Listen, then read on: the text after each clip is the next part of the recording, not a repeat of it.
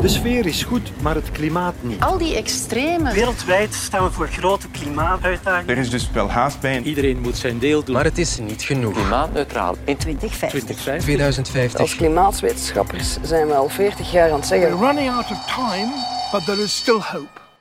Planeet. Welkom op de 19e Planeet Frank, de podcast over weer en klimaat. Jullie stellen de vragen, ik probeer te antwoorden. Hier gaan we.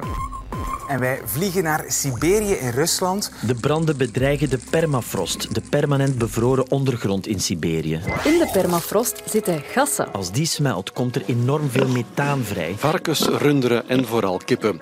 Er leven in België 46 miljoen dieren voor de vleesproductie. En die grote veestapel die heeft een enorme impact op ons klimaat. De vleesproductie in ons land moet dalen.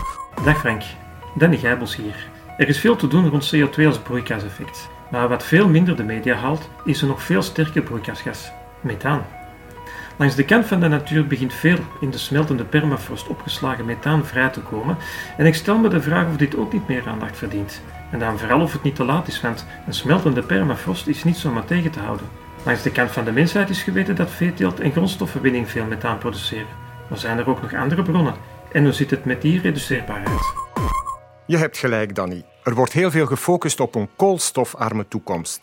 Maar we vergeten dat er andere broeikasgassen zijn. Waterdamp, stikstofoxide, dat is N2O of de lachgas, CFK's, ozon en dus zeker methaan. Methaan is een molecuul bestaande uit één koolstofatoom en vier waterstofatomen. Vandaar de scheikundige naam CH4. We kennen methaan ook onder de naam moerasgas. Het is het belangrijkste bestanddeel van het aardgas dat onze woningen verwarmt. En dat aardgas dient ook als brandstof voor de gascentrales die elektriciteit produceren. Methaan komt voor in aardlagen. Denk bijvoorbeeld aan de gaswinningsgebieden in het Nederlandse Groningen. Het zit ook in moerasbodems, waar het ontstaat door verrotting van dode plantenresten. Runderen produceren ook methaan door boeren en winden. Bij oliewinning en fracking lekt een heleboel methaan weg. En tenslotte komt er ook bij rijstbouw en afvalverwerking veel methaan vrij. Methaan, CH4, heeft een heleboel toepassingen in energieproductie en verwarming, maar er is dus ook een klimaatkant. Want CH4, methaan, is als broeikasgas tientallen keren krachtiger dan CO2. Men schat dat methaan verantwoordelijk is voor 32% van de wereldwijde opwarming sinds de 19e eeuw tegen 55% voor koolstofdioxide. Het goede nieuws? Methaan blijft veel minder lang in de atmosfeer hangen dan koolstofdioxide. Als we dus de concentratie van methaan kunnen verminderen, zal dat veel sneller een effect hebben op de klimaatopwarming. Het is bij wijze van spreken het laagst hangend fruit waarvoor we de minste inspanningen moeten leveren en dat het snelst resultaat oplevert. We luisteren naar Ursula von der Leyen op de klimaatconferentie COP26 in Glasgow. Cutting back on methane emissions is one of the most effective things we can do to reduce near term global warming and keep 1.5 degrees Celsius. It is the lowest hanging fruit. Europa en de Verenigde Staten willen samen met een heleboel andere landen tegen 2030 30% minder methaanuitstoot realiseren. Als dat lukt, dan kunnen we tegen 2100 0,2 graden Celsius winst boeken in de klimaatopwarming. En dat klinkt veelbelovend als het gerealiseerd wordt. En dan nog. Er blijft alvast één onbekende. In de Siberische toendra bijvoorbeeld zijn er heel veel permanent bevroren moerassen, permafrost. In de bodem zit een ontzaglijke hoeveelheid methaan gevangen in kleine gasbelletjes. De klimaatopwarming gaat het snelst precies in die heel noordelijke gebieden. De bodem ontdooit en het methaan komt vrij. Methaan is dus een heel krachtig broeikasgas, waardoor de opwarming nog sneller gaat en er nog meer permafrost ontdooit. Dat is met andere woorden een gevaarlijke, vicieuze cirkel. Samengevat, wat we vertellen over CO2, moeten we dus ook zeggen over methaan. Het is vijf voor twaalf, we moeten nu handelen, snel en doortastend.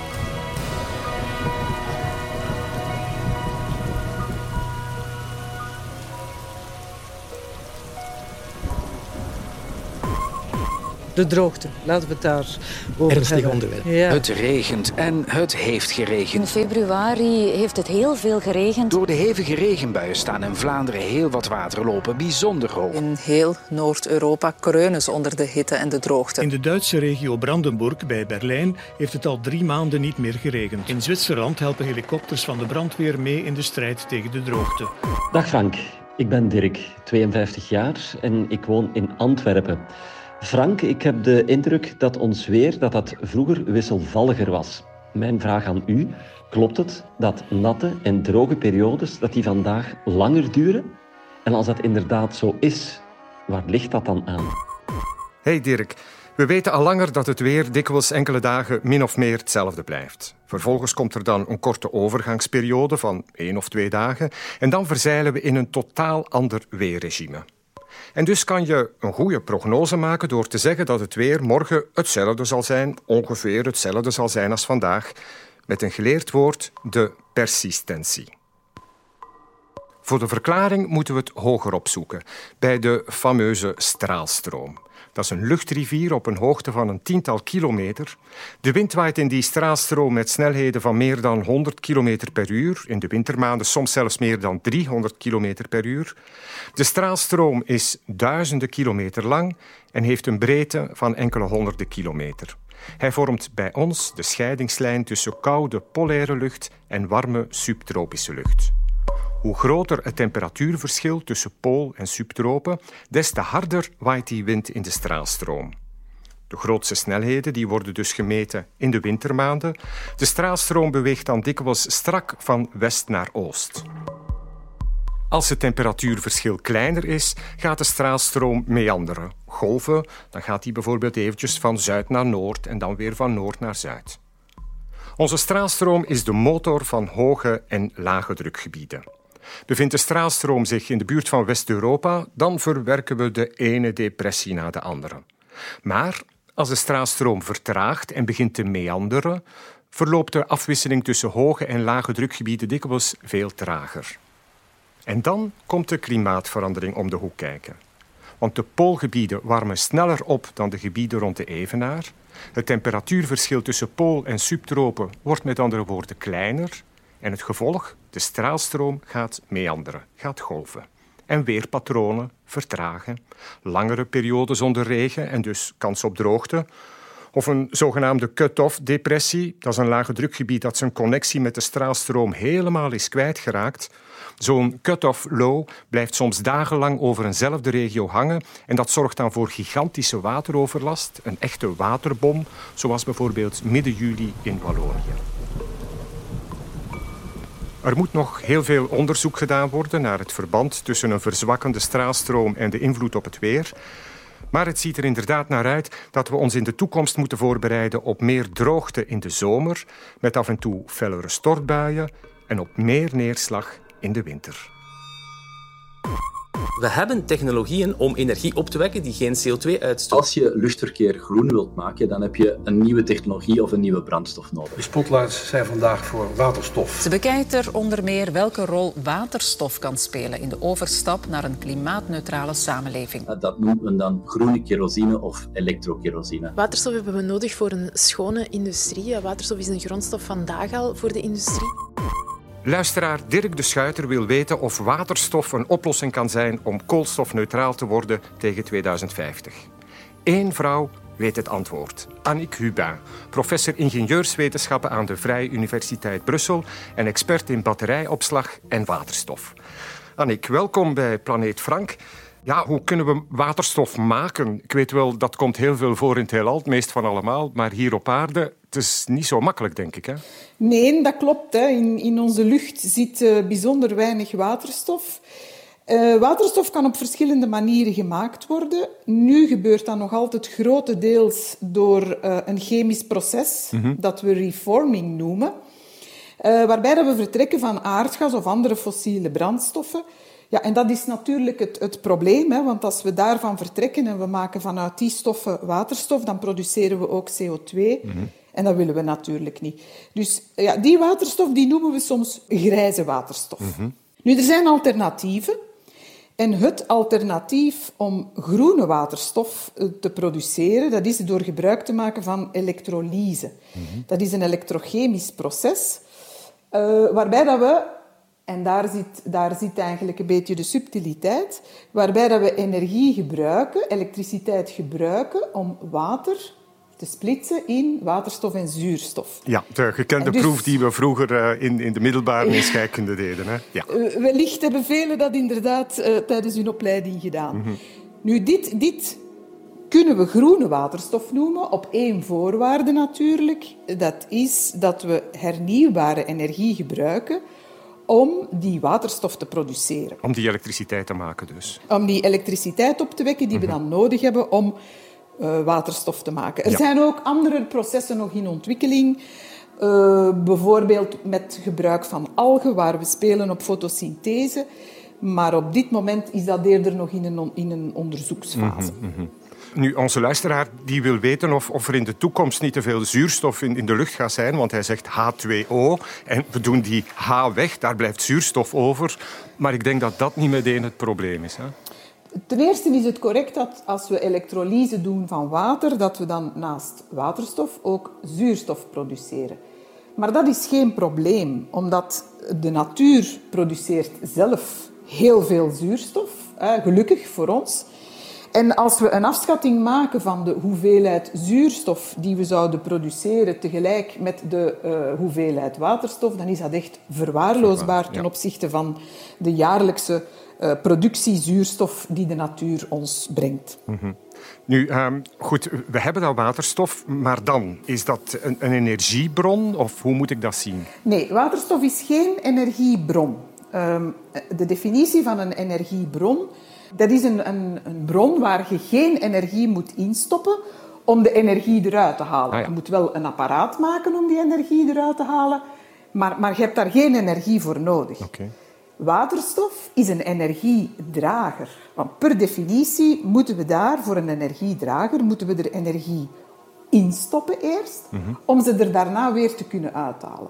En dat is natuurlijk wat dat we doen. We vertrekken van water, we doen een elektrolyse, daarvoor gebruiken we energie, elektriciteit.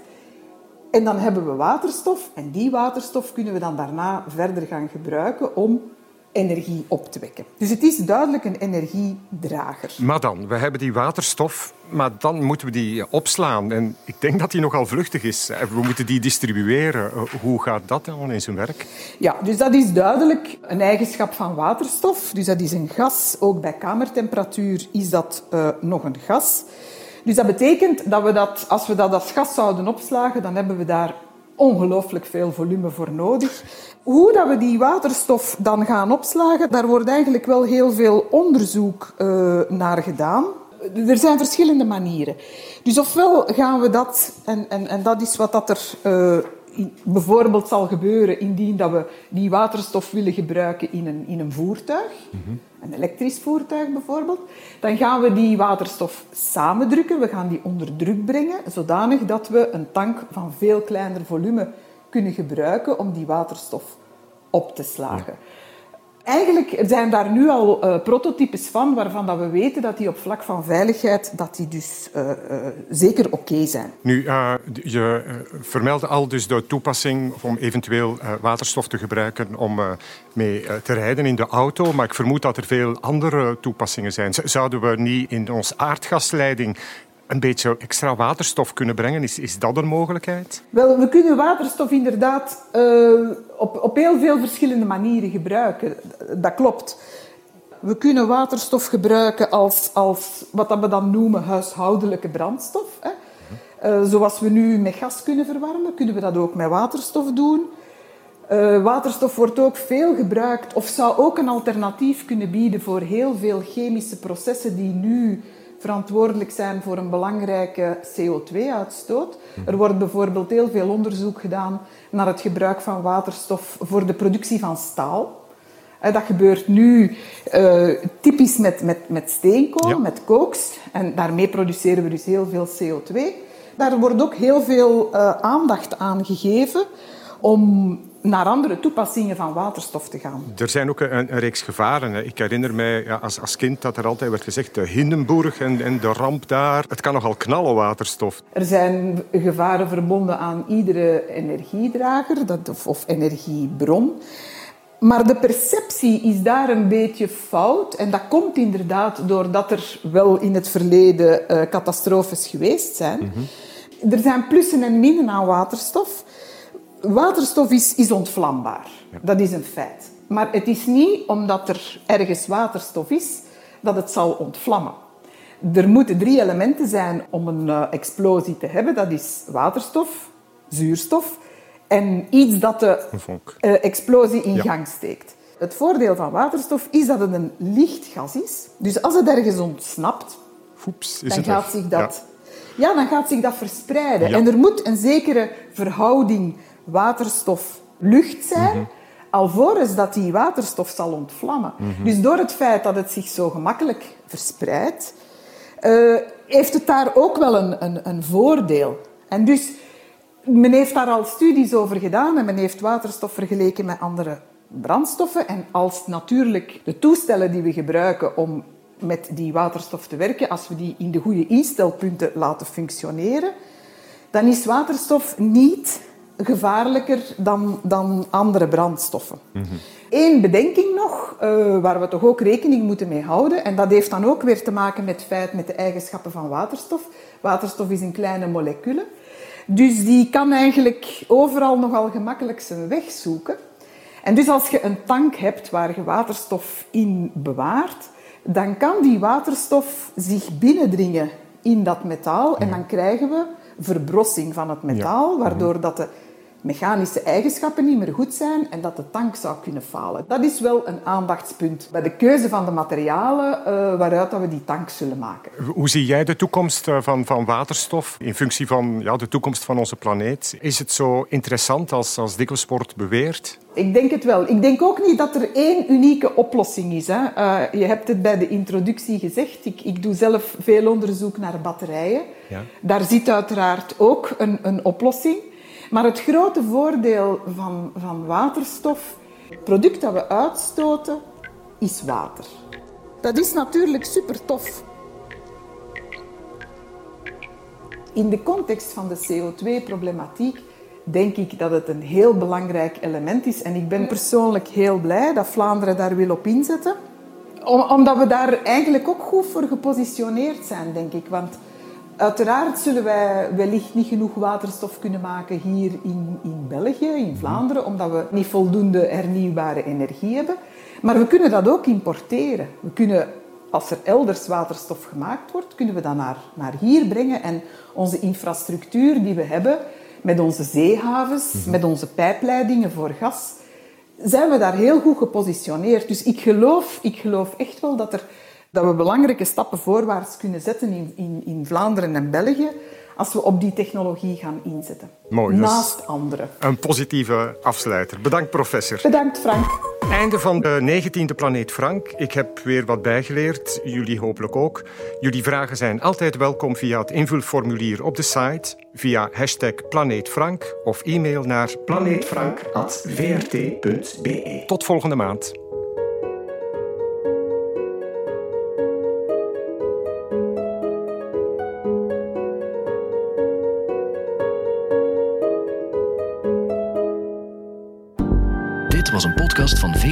vrtnieuws.be. Meer op de podcastpagina van vrtnieuws.be of via de podcast-app op je smartphone.